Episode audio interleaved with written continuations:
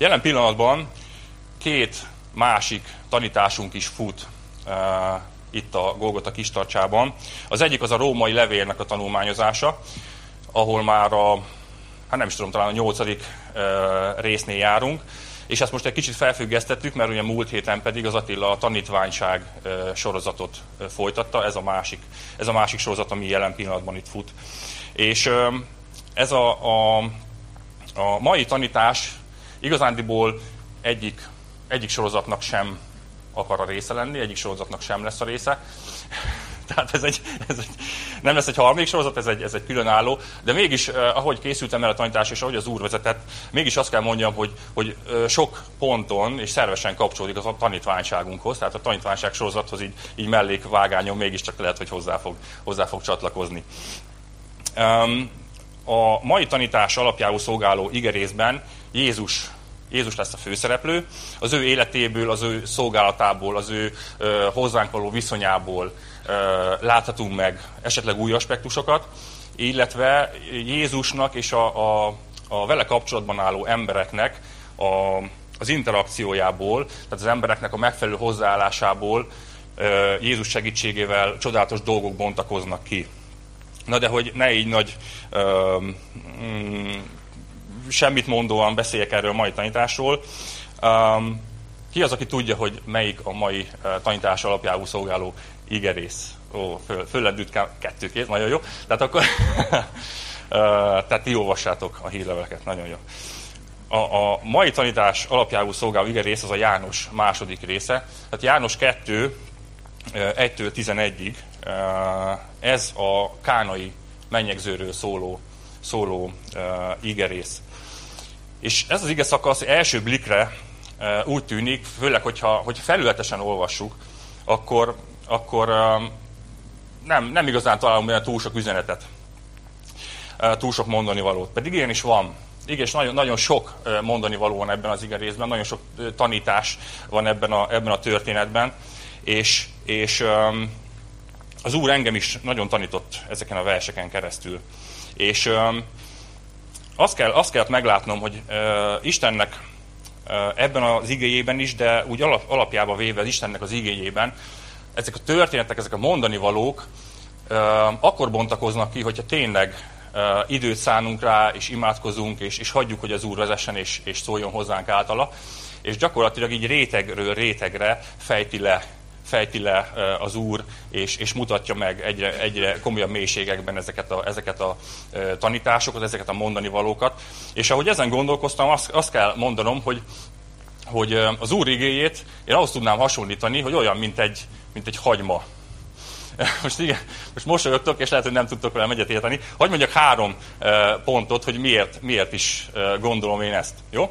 Tehát ahogy mondtam, Isten igéje alapvetően akkor igazán megismert, és akkor nyílik ki számunkra, hogyha hagyjuk, hogy ezek a rétegek egyre, egyre jobban ö, felnyíljanak, és egyre mélyebbre lássunk. Tehát a hagyma is ugye réteges, meg az ógra is, ugye, de ahogy a Shrekből hallottuk, de alapvetően most a hagymáról beszélünk. Tehát réteges, ez az első pont. Akkor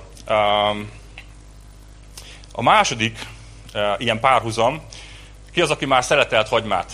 Konyhába dolgozott, és, és pucogatta, és vágta, uh, ugye az bizony kicsalogatja szemünkből a könnyeket.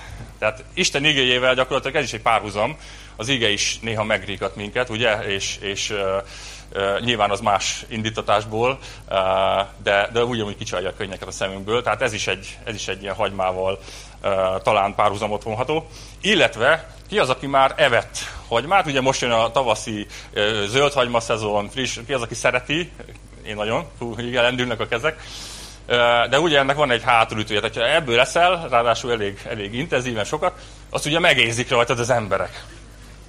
Ugye? Na most én azt mondom, hogy az Úr igéjét is, hogyha az Úr igéjével táplálkozunk, és az Úr igéjét, ugye azt mondja az ige, hogy, hogy nem csak kenyérrel él az ember, hanem az Úr igéjével is. Na tehát ezt, hogyha magunkhoz vesszük, akkor ezt megérzik rajtunk az emberek, ugye? Tehát ugye első blikre nem, nem tűnt annyira jó példának, vagy jó hasonlatnak, de, de azt kell mondjam, hogy ez a, ez a hagymás dolog, ez, ez tényleg, tényleg áll. Um, ja igen, itt a hagymaszag, hagymaszagot kicsit így konvertáljuk át az agyunkba, jó? Tehát, hogy Isten igéje ez nem ilyen negatív töltettel, vagy nem ilyen um, ilyen, ilyen negatív uh, mellékíz legyen a, a képzetünkben, hanem úgy képzeljük ezt egy kicsit, ahogy, ahogy Pál is uh, írta a 2 Korintus 14-ben, uh, ha megengedhetik, ezt fel is olvasom. Hálát adok Istennek, aki rajtunk keresztül mindenhol érzékelhetővé teszi az emberek számára, hogy milyen öröm és boldogság őt megismerni. Ez a felismerés úgy terjed, mint egy drága parfüm illata. Jó? Tehát, tehát Pálról is valami, Pál valami hasonlóról beszélt. Tehát akkor ezt engedjük el ezt a hagymaszagot, és egy ilyen drága parfüm illatát próbáljuk meg, meg továbbítani, és, és ez lengjen körül minket, mikor, a, mikor az emberek közé megyünk. Na és akkor vágjunk is bele ebbe a, a mai részbe. Tehát a János 2-nél, hogyha van nálatok Biblia, vagy, vagy applikáció, és szeretnétek ezt követni, felolvasom a János 2, 1-től 11-ig. Két nappal később lakodalom volt a Galilai Kánában, amelyen Jézus anyja is részt vett. Meghívták Jézust és a tanítványait is. A lakodalom közben elfogyott a bor, és ekkor Jézus anyja szólt a fiának, nincs több boruk. Jézus azonban ezt válaszolta, mi közünk nekünk ehhez, nem jött még el az én időm. Jézus anyja mégis szólt a szolgáknak, akármit mond nektek, tegyétek meg. Volt ott hat nagyméretű, kőből készült víztartó, amelyet a zsidók a szertartásos tisztálkodáshoz szoktak használni. Ezekbe egyenként kb. 80-120 liter víz fért be. Jézus szólt a szolgáknak, töltsétek meg az edényeket vízzel. Azok pedig színig töltötték a víztartókat. Azután Jézus mondta nekik, merítsetek belőle, és vigyétek a násznagynak. A szolgák így is tettek. A násznagy megkóstolta a borrá változott vizet. Ő nem tudta, honnan van a bor, de a szolgák, akik hozták, tudták. Akkor a násznagy odahívta a vőlegényt, és azt mondta neki, mindenki a legjobb bort szolgálja fel először, és amikor a vendégek már részegek, akkor hozzák az olcsó bort.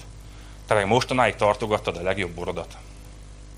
Jézus jelei és csodái közül ez volt az első, amelyet a galilai Kánában mutatott meg. Kézzel foghatóan megmutatta a dicsőségét, a tanítványai pedig hittek benne. Eddig volt tehát, tehát a rész, és ezt szeretném ma veletek, veletek átnézni, és ezeket a rétegeket lefejteni, és tényleg a, a, a nekünk szóló üzeneteket továbbítani. Tehát ahogy említettem, ezt a történetet lehet felületesen is olvasni, felületesen is nézni. Mi az, amit látunk ebben a történetben, így első blikre? Hát az, hogy Jézus meghívták egy esküvőre, és az esküvőn elfogyott a bor, Jézus meg csinált. Tehát varázsok, nem varázsok, bocsánat, tehát csodát tett, és, és lett bor. Ezt a történetet szerintem mindenki, mindenki ismeri, még azok is, akik nem, alapvetően nem bibliaolvasó emberek. Szerintem valószínűleg még a, még a kocsmákban is ismerik ezt a történetet, hogy hú, bezzeg, az a Jézus az milyen jó fejember lehetett, tehát vízből is bort tudott csinálni. Tehát ilyen elismerően vélekedhetnek szerintem még ott is Jézusnak eme, eme tettét emlegetve. És ha megengeditek, elmesélem a kezdő egyetemista egyik élményemet, vagy egy ilyen tapasztalatomat, amikor is bekerültünk ugye a, kollégiumba, és hát ugye, mint az egyetemisták általában, hát ilyen nagy szabadosság és nagy szabadság is felszabadulnak, és hát a szobatársai még elhatározták, hogy hát elmennek iszogatni, elmennek borozni. Így, így is tettek. Én nem voltam velük, tehát félétesen essék, és el, elmesélés alapján hallottam ezt a történetet. Na tehát még összefogtak és elmentek egy helyre, és beültek egy, egy színvonalas helyre, színvonalas helyre, és kérdezték, hogy, hogy van-e vörös borra, szeretnének inni.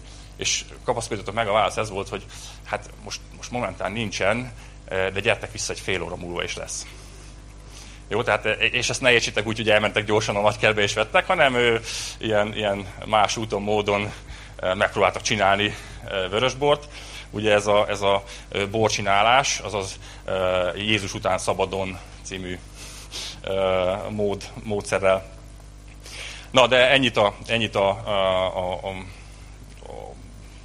így a magyar valóságról, vagy az élményeimről, így a borcsinálással kapcsolatban.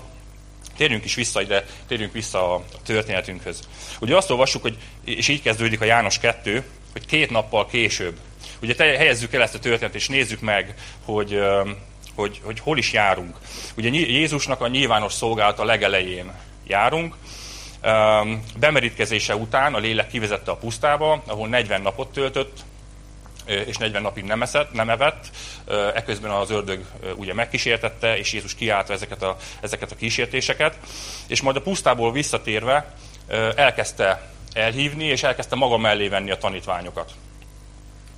És rögtön ezután érkezett is egy meghívás számára egy esküvőre, ahová Jézus, azt olvassuk, hogy el is ment, és vitte magával a tanítványait is. Na most mi az, amit ebből, ebből így első gondolatra ki tudunk olvasni? Hát ugye tudjuk azt, és, és ö, alapvetően kimondható, hogy, hogy Jézus az egy, az, egy, az egy kellemes személyiség volt. Tehát Jézusnak szerették a társaságát, egy békesség, nyugalom, bölcsesség, és, és alapvetően nagyon nagy szeretet árad belőle, és ezért, ezért őt, őt nagyon szívesen hívták ebbe, a, ebbe, a, ebbe az esküvőbe.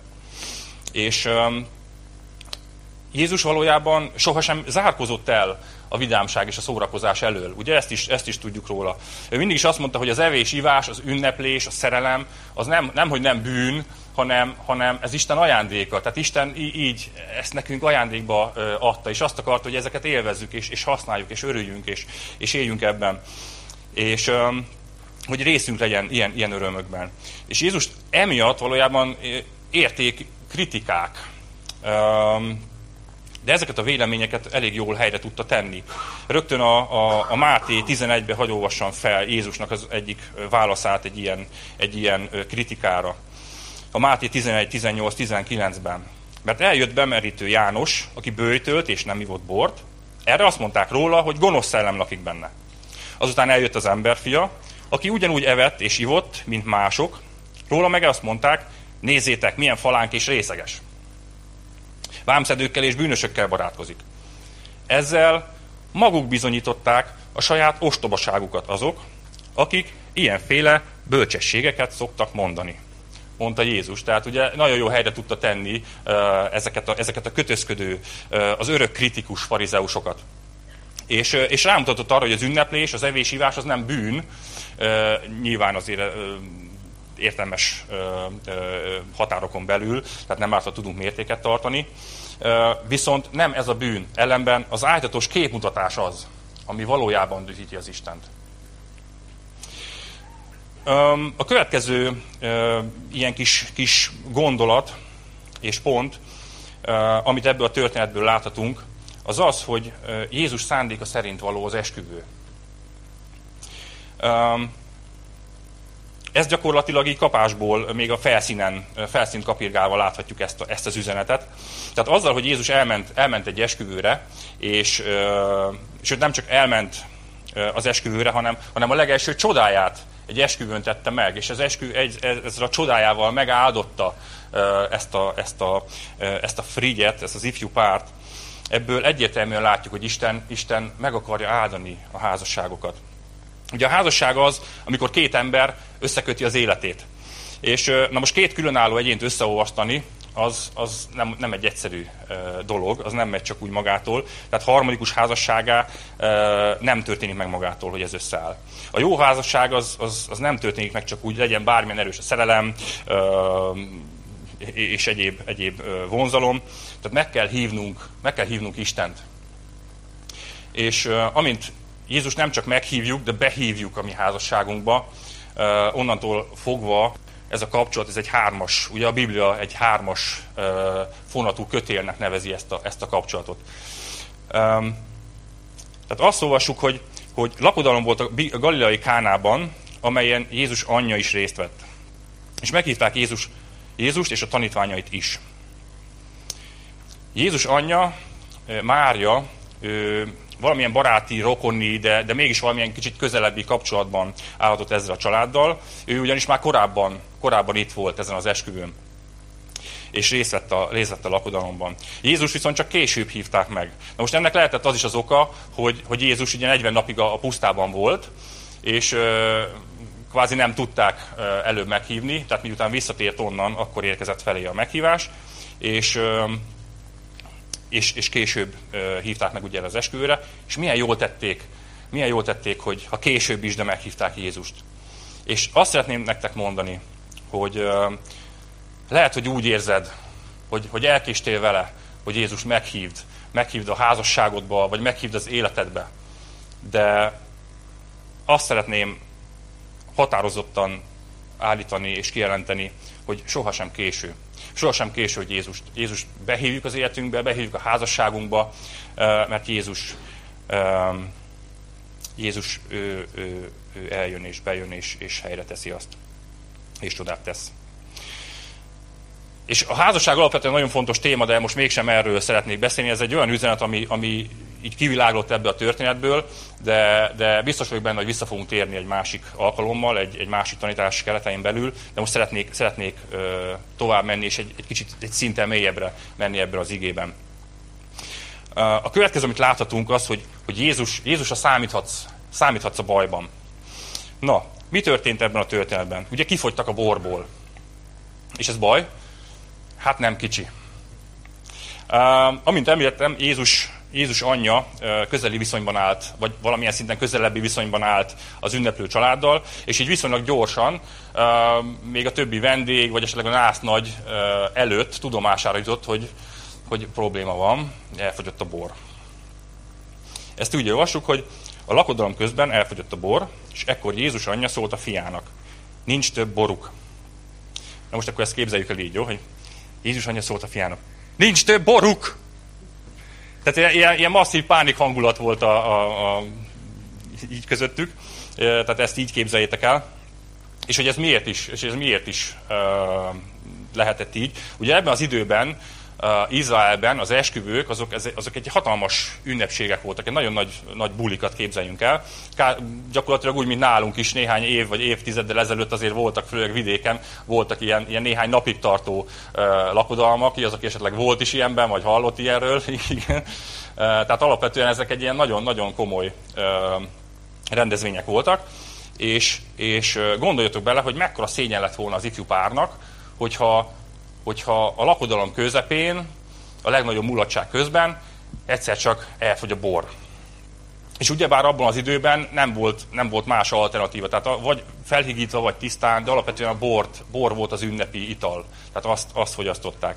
És ez egy, ez egy hatalmas szégyen a, lett volna, ami, ami nagyon hosszú időre megbélyegezte volna ezt a, ezt a ifjú párt, sőt az egész családot. Ö, és ezzel kapcsolatban nem olyan régen hallottam egy amerikai misszionáriusnak a, az előadását, aki, aki hosszú éveket töltött Kelet-Európában, majd Ázsiában, és most a közel-keleten él, és ott ö, ö, ténykedik, és ő elmagyarázta, hogy, hogy mennyire fontos tisztában lenni az adott országnak, az adott népnek a, a kulturális orientációjával. Ahhoz, hogy, hogy el tudják juttatni az evangéliumot, hogy az, hogy az befogadják és, és elfogadják. És ezek alapján az embereket, a világon élő embereket gyakorlatilag három ö, fő csoportra lehet osztani, három ilyen fő kulturális orientációjú ö, csoportá lehet beosztani. Az egyik ilyen, amiben mi is élünk, ez a, ez a nyugati kultúra. Tehát így mi gyakorlatilag egyféleképpen, vagy alapvetően egyféleképpen gondolkodunk, és ez pedig a mi esetünkben a, a bűnnel való viszonyunk, hogyha bűnt követünk el, akkor az egy bűn tudatot vált ki bennünk. És a szabályrendszerünk legyen az, egy, legyen az a világi szabályrendszerünk, vagy a, vagy a lelkiismeretünk által felállított szabályrendszer, ezt váltja ki, tehát vagy ártatlan vagy, vagy ha bűnt követsz el, akkor vétkes vagy. És ha bűnt követsz el, akkor büntetés jön. De alapvetően, a, amit a bűn kivált bennünk, az a bűntudat. És uh, Jézusnak a, az evangéliuma az úgy a leg, legjobban úgy tudjuk ezt megérteni, hogy, hogy ártatlanok vagyunk azért, mert Jézus elvette a mi bűneinket. Magára vette a mi bűneinket. És magára vállalta a büntetést. Tehát gyakorlatilag, ami, ami a nyugati kultúrában élő emberek gondolkodására hat, vagy az, az evangélium üzenete, ahogy, ahogy átjön, tehát ez a leg, leg ö, és a legjobban elfogadható üzenete. Na most vannak a, a, a másik ilyen népcsoport, az a törzsi népek, ilyen spirituális népcsoportok, akiknél alapvetően a, a, a mozgató erő az nem a bűntudat, hanem, hanem a félelem. A félelem egy, egy magasabb rangú, magasabb rendű isteni személytől. Ö, tehát félelem egy erőtől, egy hatalomtól. És Jézus, ő, ő Isten, ő erős és hatalmas. Ugye gyakran láttuk Jézusnak a szellemvilág feletti hatalmát megmutatni, és ezek az emberek így tudják, így tudnak legközelebben Jézust elfogadni, és Jézus istenségét elfogadni, hogy benne ezt az erőt, ezt a hatalmas istenséget látják. És akkor elérjük, elérjünk, vagy eljutunk a, a harmadik ö, csoporthoz, ezek a keleti, ö, keleti kultúrák. Na most ő nekik a, a, a történetünk szempontjából most ez a legfontosabb népcsoport, ők, őket a leginkább mozgató dolog az a szégyen. Tehát ez a kultúra úgy is emlegethetjük, hogy a szégyen és a becsület kultúrája. Ez nekünk idegen ez a kultúra, tehát őnekik, őnekik nincs, nincs bűntudatuk, nincs félelmük, nyilván van, de nem alapvetően nem ez az, ami őket a legjobban mozgatja. Ezek az, ezt, a, ezt a népet úgy kell elképzelni, hogy, vagy ezt a népcsoportot vagy kultúrkört úgy kell elképzelni, hogy ők ö, nem is annyira egyénnek, hanem sokkal inkább egy csoport tagjának ö, tartják magukat. A normákat azt a csoport állítja fel, és ö, ezeknek a csoport által felállított normáknak viszont meg kell felelni minden körülmény között, mert ha nem, akkor szégyenbe kerülnek. És ö, szégyent éreznek egyébként akkor is, hogyha nem is ők vétkeznek, de őket éri valami sérelem, vagy valami, valami támadás, vagy vétek. Gondoljatok csak bele, ö, biztos hallani sokat, vagy hallottatok sokat akár mostanában ilyen, ilyen becsületbeli gyilkosságokról. Tehát ezek, ezeknek mind ez a, ez a háttere, hogy nem is a tett a fő gond, hanem az, hogy az embert azonosítják a bűnnel. És, és csak úgy tudnak ettől a bűntől, ettől a, ettől a szégyentől megszabadulni, hogyha megölik az embert. Na, ez csak egy, ez csak egy tényleg egy ilyen kis ö, ö, visszatekintés, vagy egy kitekintés arra nézve, hogy, hogy megértsük, hogy, hogy miért is volt ez nagyon nagy probléma nekik. Tehát ez, ettől a szégyentől, ettől a szégyentől, itt talán kicsit jobban megértjük, hogy ettől a szégyentől mentette meg őket Jézus. És tehát, hogyha bajba kerülsz, akkor, akkor mindig számíthatsz ő a segítségre. És ahogy itt ebben, a, ebben az esetben sem vetette Jézus a szemükre hogy nem volt előrelátó a szervezés, vagy, vagy, vagy egyéb, egyéb hibát, de ő nem tett szemrehányást. Mert aki bajban van, annak valljuk be őszintén, hogy a szemrehányásra van a legkevésbé szüksége. És tanuljunk ebből mi is. Mennyire, ugye mennyire kikívánkozik belőlünk sokszor, hogy, hogy én, én előre megmondtam, én ugye szóltam, um, jobban is vigyázhattál volna, kezdetű, kezdetű mondatok. Ugye én, én nagyon sok esetben magamra ismerek ezzel, ezzel kapcsolatban. És Jézus egyszerűen szó nélkül jött és megoldotta ezt a problémát nekik. Úgyhogy vegyünk, vegyünk ebben a tekintetben is példát Jézusról. És ahogy még, még mélyebbre megyünk, és még mélyebbre rá, ré, nézzük ezt a, ezt a történetet, és még egy réteget lefejtünk, azt látom, hogy Jézus nagyon odafigyelt a, az emberek gyakorlati, szükség, fizikai szükségeire. Hogy Jézus nem csupán tanított és, és prédikált, hanem, és, és, és hirdette az Isten királyságát, hanem mindig meglátta a valódi szükséget, mindig meglátta a valós idejű szükséget, meglátta a szenvedést. Gondoljatok csak bele, hogy együtt, együtt örült az örvendezővel, együtt sírt a síróval, tehát osztozott az örömben és a bánatban, hogyha arra volt szüksége. Az éheseknek, hogy legyenek akár, akár több ezren, vagy több sok ezren, enni adott nekik. A, a vaknak megnyitotta a szemét, a bénának meggyógyította a lábát és lábra állította. A leplás, leprás kigyógyította a leprából. A süketnek visszaadta hallását, és, és, és, és sorolhatnám. Megszállottból kiűzte démonokat.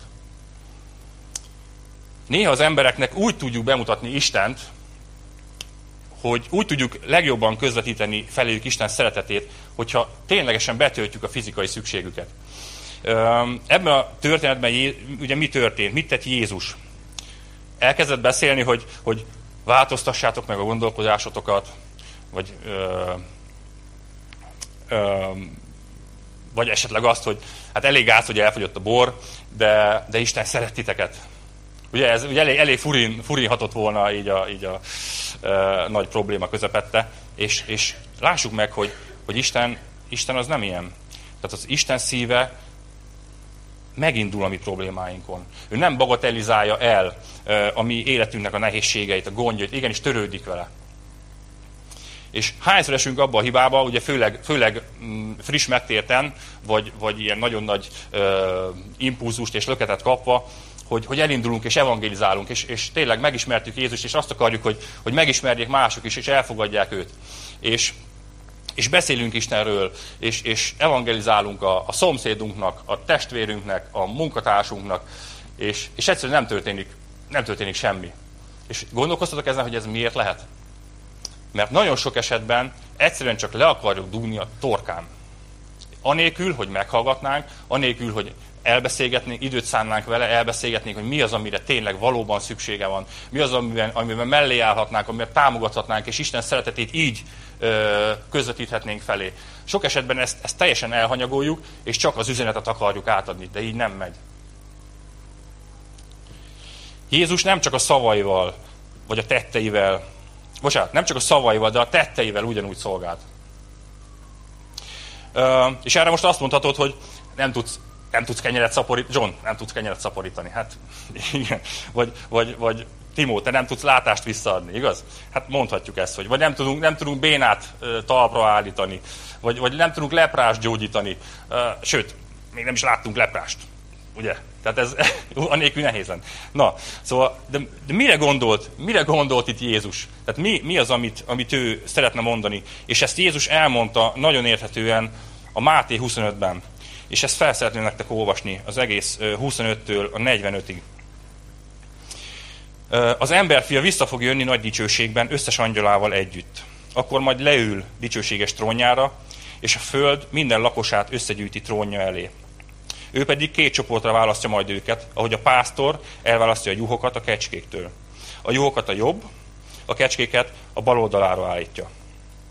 Ezután a király így szól majd a jobb oldalán állókhoz. Jöjjetek, atyám megáldott benneteket, tiétek ez a királyság, vegyétek birtokba, mert Isten számotokra készítette el a világ kezdete óta. Igen, tiétek, mert amikor éhes voltam, enni adtatok nekem. Amikor szomjas voltam, inni adtatok. Amikor idegen voltam, behívtatok a házatokba, és vendégül láttatok. Amikor nem volt mivel öltöznöm, ruhát adtatok nekem. Amikor beteg voltam, gondoskodtatok rólam. Amikor börtönben voltam, meglátogattatok. Akkor így felelnek majd az igazságosak. Uram, nem láttunk, hogy te éhes lettél volna, mikor adtunk neked enni? Nem láttuk, hogy szomjas lettél volna, mikor adtunk neked inni? Mikor történt az, hogy idegen voltál a városunkban, és mi szállást adtunk neked? Nem láttuk, hogy ruhára lett volna szükséged. Mikor adtunk neked ruhát? Nem láttunk téged a betegek között, sem a börtönben. Mikor látogattunk meg? Akkor a király így válaszol majd. Igazán mondom nektek, amikor segítettetek a testvéreimnek, akár a legkisebbnek is, akkor nekem segítettetek. Azután a bal oldalán, állókhoz fordul. Menjetek előlem, átkozottak vagytok, menjetek az örök tűzbe, amely a sátánnak és angyalainak készült. Menjetek, mert éhes voltam, de nem adtatok ennem. Szomjas voltam, de nem adtatok innom. Idegen voltam, de nem fogadtatok be a házatokba. Hiányzott a ruhám, de nem öltöztettetek fel. Beteg és fogoly voltam, de nem látogattatok meg. Ők is ugyanezt fogják tőle kérdezni. Uram, mi nem láttunk téged éhesnek, szomjasnak vagy idegennek, nem láttunk téged, amikor nem volt mibe öltöznöd, nem láttunk betegen vagy a börtönben. Mikor volt az, amikor nem segítettünk rajtad? Akkor a király így válaszol majd. Igazán mondom nektek, amikor nem segítettetek a testvéreimnek, akár a legkisebbnek is, akkor nekem nem segítettetek. És ez, ez egy nagyon, nagyon komoly üzenet a mi számunkra hogy Krisztust ilyen, ilyen módon képviseljük az emberek előtt. Um, nekünk, az ő tanítványainak, és ugye itt szervesen elkezdünk kapcsolódni a tanítványsághoz, tehát nekünk, ami tanítványainak, ez nem csak egy opció, hanem ez a kötelességünk. És Jézus nem, nem csodákat, nem lehetetlen elvárást támaszt felénk, hanem tök egyszerű hétköznapi dolgokat. Tehát ahogy itt is olvastuk. az éhesnek enni adni, a szomjasnak inni adni, a, az idegent vendégül látni, a ruhátlannak adni ruhát és felöltöztetni, a rászorulónak segíteni, a beteget, az időst, a magányost, vagy aki rászorul, azt, azt, azt meglátogatni és, és bátorítani. És lássuk meg azt, hogy elsődlegesen nem, nem a szavainkon, hanem a cselekedeteinken, az életünkön keresztül ö, tudunk Krisztusról tanúskodni. Az 1 János 3-ban, az 1 János 3.16-ban azt olvassuk, hogy abból értettük meg, hogy valójában mit jelent Isten irántunk való szeretete, hogy Krisztus a saját életét áldozatul adta értünk. Ezért mi is kötelesek vagyunk odaadni az életünket a testvéreinkért. Tegyük fel például, van egy gazdag hívő, akinek mindene megvan, és látja a testvért, aki szegény, mégsem segít rajta. Mit gondoltok, Isten szeretete megmaradhat az ilyen gazdag testvérben? Bizony nem. Kedves gyermekeim, ne szóval szeressük egymást. Az isteni szeretet abban mutatkozik meg, amit teszünk. Szóval Jézus tanítványai, most ezt, ezt így nektek, nektek szeretném szeretettel mondani, és így közvetíteni, hogy, hogy ez nagyon, ez nagyon a mi szívünkhöz szól. Hogyha a tetteinkkel is tudjuk Istent képviselni, ha a szeretetet gyakorlati módon is be tudjuk mutatni, higgyétek el, hogy az a, az a leghatékonyabb evangelizáció. Az a leghatékonyabb bizonyságtétel Krisztusról. És miért? Azért, mert hiteles.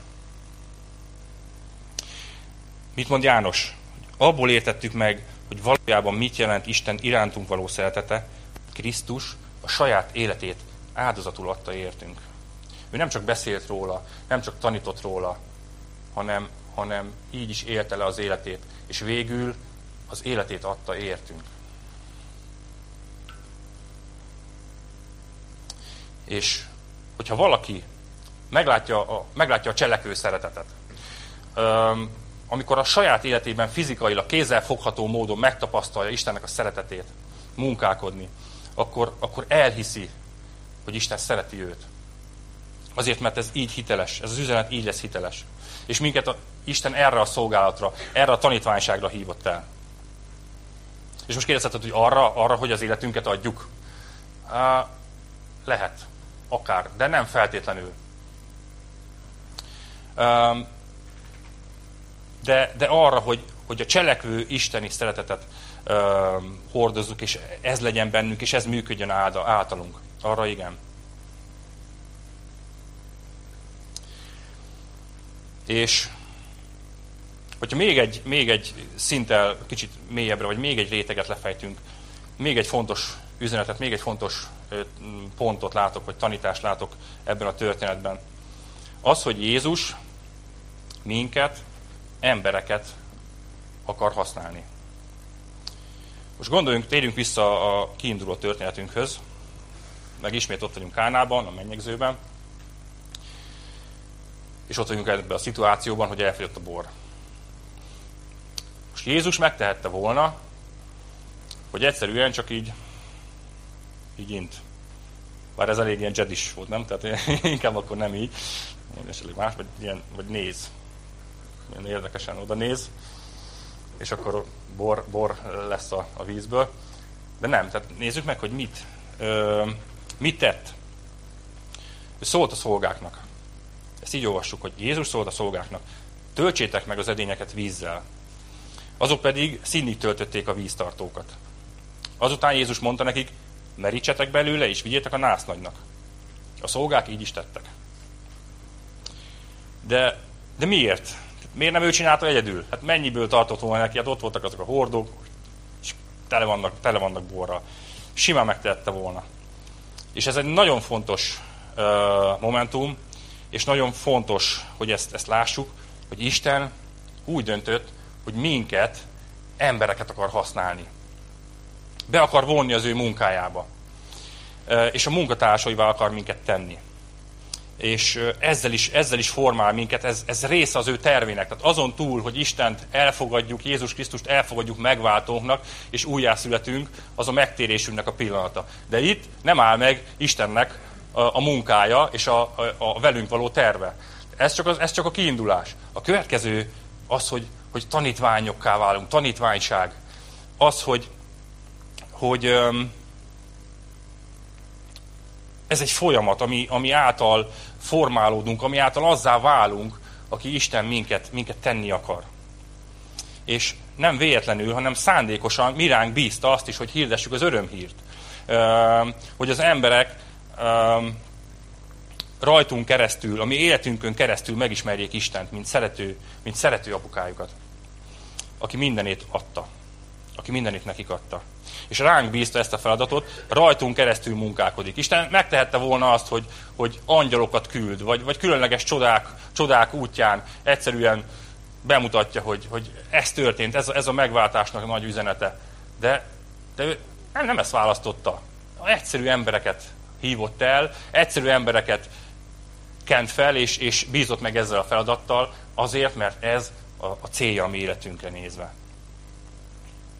És Isten téged is használni akar. Hogyha engedelmeskedsz a beszédének, és megcselekszed, akkor akár, akár csodák is történhetnek. Na nézzük meg, mi az, amit, amit ezek a szolgálók csináltak. Megtöltötték a víztartókat vízzel. Full egyszerű dolog, ott voltak ezek a víztartók, és feltöltötték vízzel. Utána pedig merítettek belőle. Jézus lehetetlen kért tőlük? Ugye nem? Nagyon, nagyon egyszerű, hétköznapi dolgot kér. És nem kér tőlünk sem lehetetlen, tök egyszerű dolgokat kér. Ebben a, ebben a példázatban is uh, miket mond? Látogasd meg, vagy csak hív fel, vagy csak, vagy csak nem tudom, egyszerűen egy jó szót szóljál ahhoz, aki, aki magányos, aki, aki szomorú, töltsd be valakinek a szükségét. Hogyha valakit látod, hogy szükségben szenved, akár anyagilag, akár más szinten, akkor azt, azt, azt töltsed be a szükségét. Vagy, vagy bátoríts valakit, vagy csak lelkesen, vagy kedvesen szólj, vagy mosolyog rá arra az illetőre. Annyira egyszerű dolgokat kér Jézus, hogy töltsed meg a hordót, vagy ezeket a víztartókat vízzel. És merjél belőle. És mi csak egy eszközök vagyunk. Meg kell tennünk ezeket az egyszerű hídbeli, hídbeli lépéseket, és ő pedig hozzá, hozzá fogja tenni a csodát. Ugyanúgy, ahogy ebben a történetben is. Um, hogyha, hogyha valóban oda szálljuk magunkat, hogyha meghalljuk Istennek a hangját, és, és megmerjük tenni ezt a hídbeli lépést, akkor ezekből a hétköznapi dolgokból, ezekből a hétköznapi dolgokból bizony, bizony csoda lehet. Most gondoljunk a, a Biblia nagy alakjaira. Amikor Isten elhívta mondjuk Mózest, akkor, akkor egy engedelmes személyre volt szüksége, aki elmegy a fáraóhoz, és beszél Isten nevében, hogy engedje a népét. Ugye? És Mózes mit tett? Hát kicsit szabadkozott, de aztán csak ráállt és elment. És beszélt a fáraóval. De utána a, a csapásokat Isten küldte. Vagy csak emlékezzetek, amikor végül uh, Izrael népe kijött Egyiptomból, és, és ott álltak a Vörös-tenger partján. És nyomukban a, az, a, az egyiptomi hadsereg. És Isten azt kérte, hogy Mózest emelt fel a botodat a víz fölé. Ő felemelte a botját, de a vizet, a tengert Isten választotta ketté. Tehát tőlünk nem vár lehetetlen, hanem egyszerű hitbeli lépéseket Isten, és a csodát ő teszi hozzá. És olyan csodákat, amit hogyha, hogyha belegondoltok, év, év, századok, évezredekkel később is ö, olvasunk és beszélünk róla. És, és nem feltétlenül csak az Ószövetségben, tehát nem feltétlenül csak Mózest, vagy, vagy, vagy mondjam Józsuét, vagy Illést, vagy Dánielt, de ugyanúgy az Új Szövetségből is hozhatok példákat. Akár Pétert, akár János, vagy akár Pálapostolt. De akár, akár a mai napjainkban is ugyanilyen, ö, ugyanilyen Istennek az emberei ugyanilyen csodákat tehetnek Istenen keresztül. Pontosabban Isten tehet az embereken keresztül. És Istennek továbbra is emberekre van szüksége. És olyan egyszerű emberek közül választ, mint te, vagy te, vagy te, vagy én. Ilyen, ilyen egyszerű emberek közül választ. És hagyd tegyen fel ezt a kérdést, hogy akarsz Isten eszköze lenni? Akarsz, akarsz Isten munkatársa lenni? Akarsz része lenni a csodának?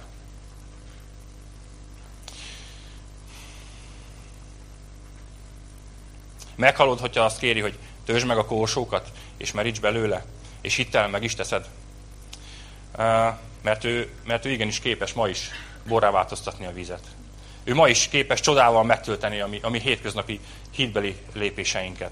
És még akkor is, hogyha nem igazán értjük, hogy, hogy miért, is, miért is jó ez, vagy miért is kellene ezt vagy azt megtennem. Most gondoljatok bele, szerintetek ezek az emberek, ezek az emberek értették, hogy, hogy miért kell megtölteni azokat a kézmosásra való ö, vizet tartalmazó hordókat vízzel? Szerintem lövésük nem volt, hogy miért, miért kellett azokat megtölteni. Hát nem a víz fogyott el, hát víz van. Nem kezet akarunk mosni, a bor fogyott el. Hát biztos vagyok benne, hogy nem értették. És akkor a másik, hogy még merítsünk, és ebből a vízből azt vigyünk a nász nagynak. Hát normális, hát ez leüvölti a fejünket. Hát páros lábbal rúg ki minket az ajtón. Szerintetek értették, hogy ez, ez miért kell? És mégis, a szolgák így is tettek, olvassuk. A nász nagy megkóstolta a borrá változott vizet, ő nem tudta, honnan van a bor, de a szolgák, akik hozták, tudták. És ez, ez, ez micsoda áldás, micsoda bizonyság, és milyen Isten élmény. Tehát egy, egy élet átformáló Isten élmény, amit ezek a szolgák utána megtapasztaltak. Ők tudták, hogy honnan van az a, az a bor, most már bor, de ők csak vizet töltöttek abba a hordóba, és, és vízből mertek, és vittek a, a, a násznagynak. Tehát micsoda, micsoda csodának a része lehettek. És, és még egy apró, aprócska ö, részletre hagyj fel, fel a figyelmünket, és, és ez lesz az utolsó gondolatom így mára. Azok pedig színig töltötték a víztartókat. És itt aláhúznám a színig szót. Hogyha Jézus kér valamit, akkor azt, akkor azt ne csak félszívvel, ne csak úgy immelámmal, na jó, valahogy, hanem, hanem teljes szívvel, százszázalékosan tegyük meg. És miért? Hát nagyon egyszerű. Mondjuk mi lett volna, hogyha, hogyha ezek a szolgák csak félig töltik meg ezeket a, ezeket a korsókat vízzel? Ugye azt olvassuk, hogy um, mennyi víz fért ezekbe? 80 és 120 liter között, mondjuk számoljunk átlagban 100 litert. Mi lett volna, hogyha ezek, ezek a, ezek a uh, szolgák csak félig töltik meg a, a, a korsókat vízzel? Borrá változott volna az is? Szerintem igen. De így mennyi bor lett? Ugye, hogyha 100, 100 litert nézünk egyesével, akkor 600 liter boruk lett. Úgy meg lett volna mondjuk a fele annyi. Mi lett volna, hogyha Isten azt mondja Mózesnek, hogy tarts ki a botodat a vörös tenger felé, és az kettel. Mi lett volna, hogyha Mózes csak így suhint egyet, hogy nem akarta volna kitartani. Lehet, lehet, hogy csak térdigérő lett volna a víz. Ne, elképzelhető. És akkor hogy kellett volna át az Izraelnek a sok százezres nép? Így. Ú, de nehéz ez a dolog. Tehát gondoljatok bele. Isten de igen, tehát sokkal lassabban, sokkal nehezebben keltek volna át. És hogy olvassuk? Ők száraz lábbal keltek át a tengeren. Tehát ö, szeretném, hogyha, hogyha megértenénk ennek az aprócska szónak a jelentését, hogy mit jelent az, hogy színig. Hogyha, hogyha nem színültig, és, és értsük ezt úgy, nem így szolgálsz, hogyha csak fél szívvel szolgálsz, hogy na mégis valamit, valamit mégiscsak csinálnom kellene.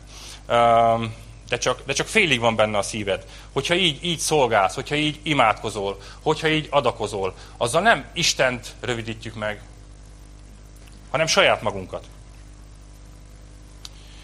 És még egy nagyon fontos, hogy, hogy a minőséget tegyünk bele, a minőséget tegyük bele a keresztény életünkbe is. Ugye nagyon sokszor találkozunk abban, hogy á, de jó lesz ez is, meg ez a, ez a, ez a gagyi, gagyi kereszténység, nem? Hogy ó, a maradékból jó lesz, vagy a, vagy a, a áj, de nem kell annyira komolyan venni. De igenis, vegyük komoly, vegyük, vegyük nagyon is komolyan ezt. És színig, színig tegyük. Ilyen, ilyen, legyen a, ilyen legyen a mi hozzáállásunk. És még egy nagyon fontos, hogy, hogy nem mond azt se, hogy majd legközelebb. Nem mondjuk azt, hogy hát most nem érek rá, de majd talán. Lehet, hogy elszáll a lehetőség. Lehet, hogy nem adódik még egy ilyen lehetőség. Tehát amikor Isten hív, amikor Jézus mondja, hogy ezt tedd meg, akkor álljunk oda és színig tegyük meg. Tehát százszázalékosan, és akkor, amikor kéri. És akkor így lehet, így lehet ebből csoda. És itt a szolgálatnak ez, ez a színül, színültig hozzáállása mit eredményezett? Nézzük meg. Egy, hogy Isten gazdagon megáldotta őket egy csodálatos Isten élményben volt részük. És Jézus megmutatta a dicsőségét, és ők hittek Jézusban. A második. Annyi boruk lett, ami, ami biztosan elég lett, hogy elég volt az egész ö, lakodalom alatt. Ugye? Rengeteg, hát 600 liter bor. Az, az biztos, hogy ö, nem fogyott el a végéig. A harmadik, ami mondjuk legyen a, a másiknak egy ilyen B pontja, mert ahhoz kapcsolódik. Tehát ö, ez a maradék, mert biztos, hogy maradt is az esküvő után is ebből a nagyon sok borból, ez a maradék ez biztos, hogy egy bizonyíték is volt Jézusnak a csodájára, már a józan másnap is, vagy, vagy azok számára, akik ugye nem, nem tapasztalták, vagy nem észlelték egyből ezt a csodát, de ez egy, ez egy bizonyíték volt azok számára is. És a negyedik pont, amit látok ebből, vagy, vagy esetleg ezt már nagyon bele, belegondolom, de hogyha maradt, maradt esetleg ebből a borból, akkor az ifjú pár ezt, azt eladhatta, és, és egy ilyen kis induló, induló tőkék is, egy ilyen kis induló áldás is lehetett, lehetett ez nekik. Ugye nem volt még akkor talán csok, és akkor így, ez, így, ez, ez így nagyon hasznos, hasznos volt számukra. Jó, ezt már csak én, én tettem így nagyon hozzá. Jó, tehát amit szeretnék, szeretnék nektek mondani, és szeretném, hogyha, hogyha ez, hogyha ez így átjönne, és, és a, a magunkével tennénk, beépítenénk a mi keresztény életünkbe az, hogy, hogy tegyük oda magunkat százszázalékosan, tegyük oda magunkat színültig. És de azért, hogy, hogy mi még gazdagabban részesüljünk Istennek az áldásaiban és a csodákban. És még egyetlen egy igerészt szeretnék Pálapostolnak a szavaival hadd motiváljalak titeket. Pálapostól az 1 Korintus 15-ben azt írja, 1 Korintus 15, 58-ban azt írja, hogy mindig teljes erővel és odaadással végezzétek az Úr munkáját, hiszen jól tudjátok, hogy az ilyen munka sohasem hiába való. Tehát Jézus munkája, Isten munkája sohasem hiába Ez motiváljon minket, és ez, ez adjon erőt ahhoz, hogy, hogy színültig, százszázalékosan beleállva tudjunk Jézus szavára hitből lépni és tenni. Imádkozzunk. Drága Úr Jézusom, köszönöm azt, hogy, hogy tanítasz minket. Köszönöm azt, hogy ebből a történetből, amit, amit első, első látásra nem, nem sok üzenetet látunk belőle, de köszönöm azt, hogyha a te igéddel időt töltünk, és a te ö, áldásodat és a te látásodat kérjük, akkor, akkor kivontad ezeket a történeteket. Köszönöm, Uram, hogy megmutattad azt, hogy, hogy te, te minket akarsz használni. És nem, nem csak, nem csak a, a szavunkat, nem csak a, a tanítást, nem csak a, a szóval elhangzott evangelizációt, hanem a, az életünkkel, a cselekedeteinkkel való evangelizációt, a Isten szeretett továbbítását is várott tőlünk, Uram. És köszönöm, hogy erre, ezzel minket bíztál meg. Uram, te azt mondtad, hogy menjetek el és tegyetek, tegyünk tanítványokká minden népet. Az, hogy mi közvetítsük a te szeretetedet, és kérlek, tegyél minket erre alkalmassá. Add meg azt, hogy meghalljuk a te ígédet, meghalljuk, hogy te kérsz minket, és megmerjük lépni ezeket a, hogyha kicsi, de hídbeli lépéseket is. És köszönöm, hogy te leszel az, aki, aki megtöltött csodával ezeket a hétköznapi hídbeli lépéseinket, Uram. Erre kérlek téged, hogy tudjunk így élni, tudjunk így gondolni te rád, és, és um, tudjuk mindig tiszta szívből és teljes szívből, színültig megtenni azt, amit kérsz. Az Úr Jézus nevében. Amen.